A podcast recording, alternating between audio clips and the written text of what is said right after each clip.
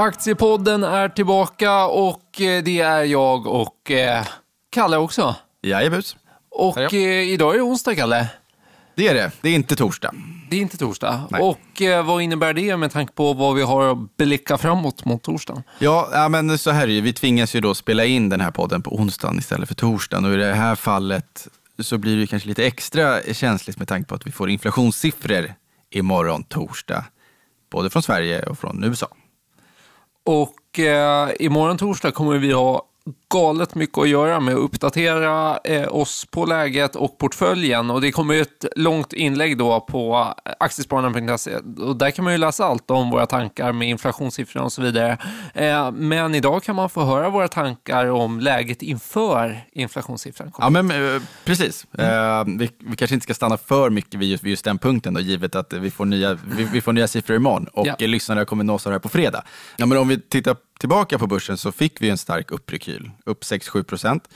Eh, främst drivet av att vi såg lite lägre räntor, lite svagare dollar och så blev det lite op- optimism kring att eh, nu börjar eh, Feds penningpolitik, den restriktiva penningpolitiken, bita på den amerikanska ekonomin. Och man, höj, man hörde röster om att nu kanske de slutar höja i november. Men så kom arbetsmarknadssiffran i fredags. Just det. Och då var det inte så kul längre. Vad sa den?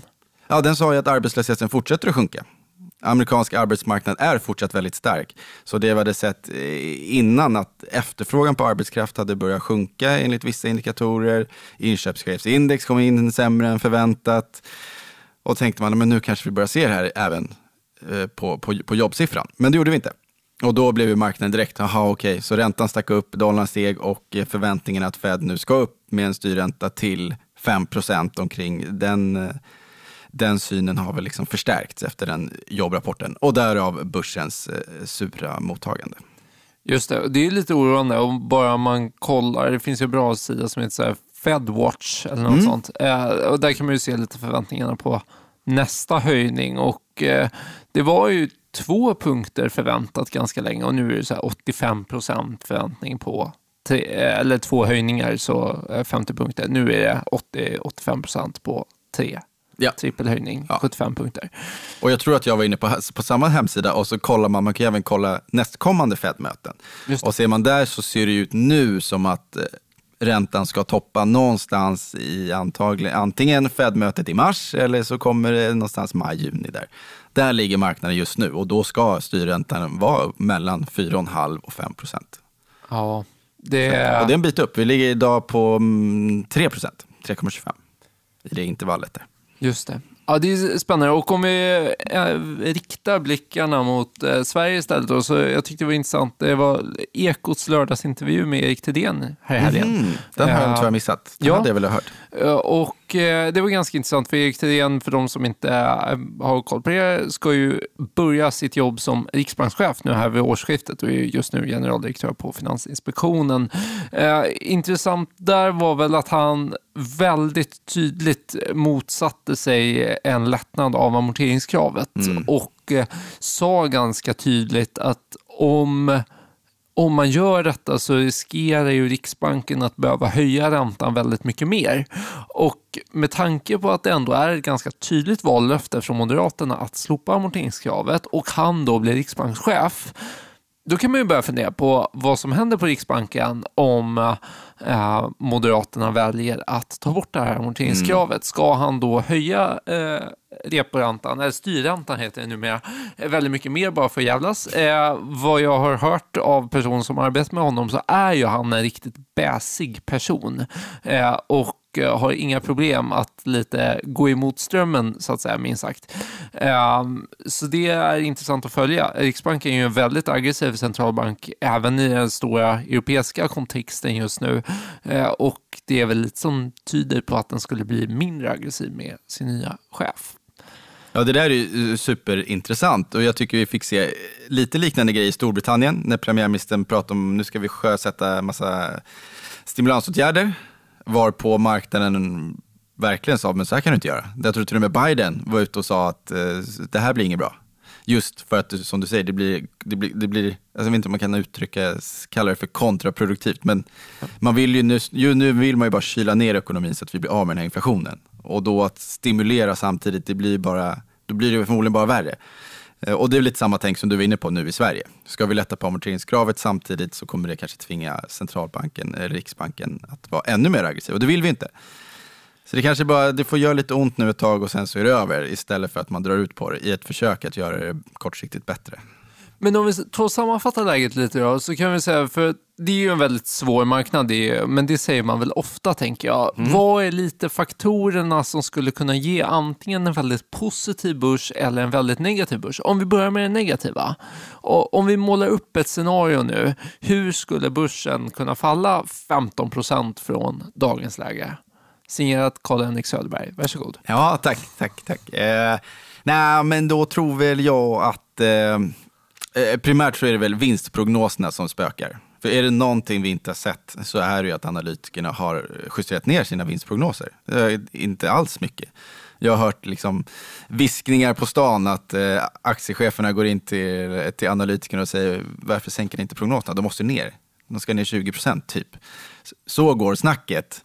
Eh, och sen har väl, de kanske har kommit ner på vissa håll, vi har sett lite vinstvarningar och sådär. Men eh, det tycker jag är lite läskigt. att Visst, börsen, eh, om vi tittar generellt, ser ju ganska billig ut nu på rådande estimat.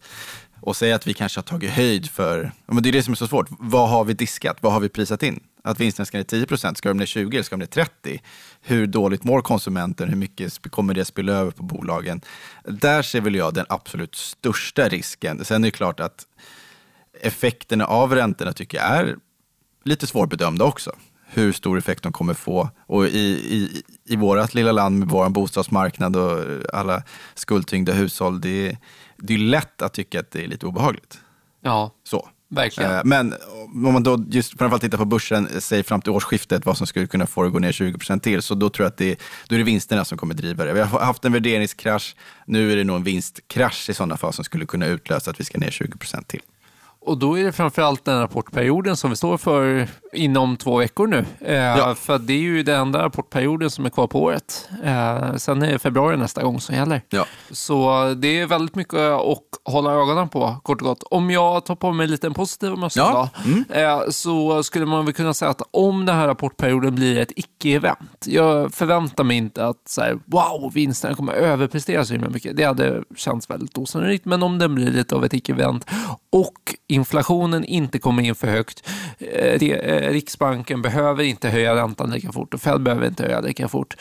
Det skulle jag vilja säga är liksom någonstans nyckeln som skulle kunna få börsen att stiga 15 procent istället under mm. den tiden som är kvar av året.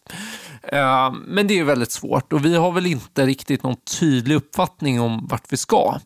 Och just därför har ju vi gjort lite förändringar i portföljen här Eh, förra veckan. Eller hur, Kalle? Ja, ja men precis. Och, och, och jag, jag, skriver under på, på den där positiva vyn också. Så, så att det ska bli jättespännande att se den här rapportperioden. Och eh, vi har väl försökt med, med portföljen att på något sätt peta ut vad vi ansåg på förhand kanske var de största riskerna för lite rapportbesvikelse det känns tryggare att eh, sitta på ett Handelsbanken exempelvis än eh, ett eh, Note som vi ägde förut men som vi valde att sälja. Eh, eller ett BV som vi valde att sälja som blev, som blev lyckosamt. Att vi sålde på 55 norska kronor. Och eh, nu har vi väl, vi har haft en stor kassa, 20 procent får ändå anses relativt mycket. Nu har vi bantat ner den, men vi har också köpt lite defensiva pjäser som vi inte tror kommer eh, liksom, råka ut för en obehaglig överraskning i Q3-rapporten och eh, även sålt av lite cykliskt i form av Atlas Copco som gick väldigt, väldigt, eller väldigt, nu, nu överdriver jag. Den har gått helt okej. Okay. Mm. Den, den, den, har stått emot helt okej. Okay. Vi sålde en fjärdedel på 101 kronor. Och en del av det då, eller den summan, gick ju då bland annat till att köpa Securitas. Just det. Eller hur? Mm. Ja. Och de gillar du? De gillar jag. Eh, det är ju en, eh, Securitas har blivit lite omtalat nu bara sista månaden för att de gör den här jättestora nyemissionen för ja. att de köpte sin sektorkollega Stanley Securities. Eh, och det bolaget är lite mer digitalt fokuserat medan Securitas väldigt bemanningsfokuserat. Att så här, det är många människor som är ute och vaktar. De är 345 000 anställda. Hur sjukt det inte är. Och det är långt ifrån ett av Stockholmsbörsens största bolag eh, till börsvärde, men mm. definitivt i anställda. Vi gillar bolaget. Vi tycker att värderingen kommit ner ganska mycket. Alltså, detta är ju kontraktsintäkter som inte borde vara så eh, extremt konjunkturkänsliga. Eh, så att eh, många är ju för sig hyfsat korta, men jag menar, det, är, det är ju förvisso alla olika typer av lokaler. Det är, är ju lagerlokaler och så vidare, men det är ju också flygplatser och mycket sånt. Och, mm. ja, men jag tror kanske att det inte är så konjunkturkänsligt och då kändes det ganska billigt kring P9 att eh, fiska upp ett Securitas eh, och äga framåt. Den har ju gått starkt sen eh, de gjorde den här eh, splitta av eh, rätterna för att delta i den här emissionen, då handlades vi kring 71 kronor. Nu står vi kring 83. Mm. Vi var inne och köpte på 81 tror jag. Men just som du säger, detta är väl en defensiv pjäs som borde ha en relativt hög indexkorrelation, men samtidigt kanske lite capped på båda extremhållen. Denna kommer inte studsa som en galning uppåt, men inte heller neråt. Och det är väl exakt den exponeringen vi vill ha just nu. Och jag tycker det är viktigt det du är inne på, just vilken typ av kunder de har. Att du är inne på, det är flygplatser, det är myndigheter, det är inte, det är inte du och jag till våra, till våra hus där hemma. Nej, men exakt. Och den exponeringen är kanske den man vill sitta på, som är, känns lite tryggare. Verkligen. Och eh, med det är inflationsjusterade intäkter för det mesta och ja. samtidigt så är inte löneinflationen där. Och, så det är ju såklart positivt för marginalerna. Men eh, det var inte ett enda bolaget vi köpte utan vi köpte också Bahnhof. Just det. Och, och det är ju en av dina favoriter. Ja, ja men eh, som en defensiv pjäs, eh, ja. Eh, bredbandsoperatören eh, Bahnhof som eh, har ett väldigt starkt track record de senaste tio åren. Man, över en konjunkturcykel så, så, så, växer man sina procent varje år, man gnetar på lite på marginalsidan. Och eh, jag kan väl tycka att det känns ganska bra att äga någonting. Visst, kanske inte jätte, inte P9 här, utan det är närmare P20. Eh, så det är en premie gentemot börsen och det är en premie som, som man kan då eh, argumentera för är befogad för att det är så pass stabilt. Och du får dessutom en rätt hygglig direktavkastning. Så jag tycker liksom att det finns, det finns tillväxtförutsättningar. Eh, man kan säkert fortsätta att växa vinsten liksom 8-10 procent. Det tycker jag är ganska, ganska trevligt i det, här, i det här läget. Man har ju också dataserverhallen Elementica som är en sån här liten trigger framåt. Det är väl inget som är primärt varför vi köper aktien idag. Men vi, ja, aktien känns på, på 33 kronor känns det som att här känns det okej okay att göra en entry till förhållandevis låg risk i någonting som vi, in, vi har svårt att se att de kommer komma med en eh, dålig kvartalsrapport. Senaste rapporten var jättefin och aktien studsade upp till 38. Sen har det varit lite pyspunka och eh, nu står vi inför en, en till rapport här och vi får väl se om vi äger den över rapport. Vi får se lite grann. Och de har en stark balansräkning och det är det man vill se i sådana här tider. Verkligen, och lite likt Securitas så är ju mycket abonnemangsintäkter så att säga. Men detta är ju förvisso mycket privatkunder, men det är ju en sticky product. Alltså, så här, ja. Det är inte så om det blir lite tuffare kommer inte jag sätta, säga upp mitt bredband hemma, utan då Nej. kanske börja med att säga upp Netflix, för det kan man ändå inte använda om man inte har ett bredband. Alltså, så, ja. Eh, så det är inte det första som ryker, kort och gott. Eh, och vi tror väl att det lär stå ganska stabilt. Ja men verkligen, och jag bara kom på det, att om vi tittar på värderingen så skuldjusterar vi. Om vi tittar på en ev-ebit-multipel så är den nere på 10 gånger ebit, vilket ju faktiskt är ganska lågt. Så du kan ju välja lite grann om du ska titta på, på vinstmultiplar eller om du ska titta på ebit-nivå och, och skuldjustera det. För att balansräkningen är som sagt stark. Eh, så att ur den aspekten så är det inte, behöver inte vara så dyrt. Och Det skulle ju såklart också kunna vara en trigger med att de har en så väldigt stark balansräkning. Om det blir lite tuffare tider, eller det är redan tuffare tider, mm. kan de plocka upp någon spännande sektorkollega, inte alls omöjligt, eh, slå till med något bra förvärv när andra går på knäna. Det har ju varit en bra strategi tidigare. Ja, det är väl sådana bolag man överlag gillar. Att man, visst, vi vet att vi går in i tuffa tider nu, men man vill gärna äga någon som står starkare när röken har lagt sig och vi vänder upp igen. Och som eh, bolagsledningen har ju faktiskt flaggat för en utomlandsexpansion framöver. Så att, och det finns pengar, finansiella muskler för det. Så att ja, verkligen. Spännande. Men, och på den här, de här är ju 5 av portföljen ungefär båda två. Och eh, det har ju varit just lite tanken att, att ligga med en väldigt stor kassa i en period där vi tror att sannolikheten för ett extremutfall, den är inte jätte jättelåg, eller vad man ska säga. Det är ganska troligt att vi får ett extremutfall. Antingen betyder en uppgång eller en betyder en nedgång. Mm. Och då vill vi inte ligga med för mycket kassa, för det blir lite som att blanka börsen. Eh, om vi får en nedgång så är det klart att då är det bra. Då tjänar vi mot index ett par procentenheter. Men om det, eller liksom om börsen faller, då är det bra för portföljen. Men om det går vice versa så är det väldigt jobbigt för portföljen. Eh, och vi vill inte ha den exponeringen. Så därför ökar vi på vår exponering mot eh, börsen eh, och tycker ju att detta är två bra defensiva bolag. Eh, men vi har även gjort en till affär. Vi sålde av eh, vår bästa aktie hittills för denna portföljsessionen. Mm. V5 heter de. Vad gör de? Ja, men det är ju um, ett um, försvarsbolag med uh, simulatorer. Många sådana här fallmål och sånt som du kan skjuta mot, men även flygplanssimulatorer och så vidare. Okay. Mm. Uh, så där gjorde vi ju en entry på uh, 41 kronor och sålde på 55, så det blev ju två, tre veckor bara. Jag tror det var tre veckor där inne. Ja. ja. Mm. Men kursen stack ju som tusan. Det är ju nästan 40 procent kursen stack.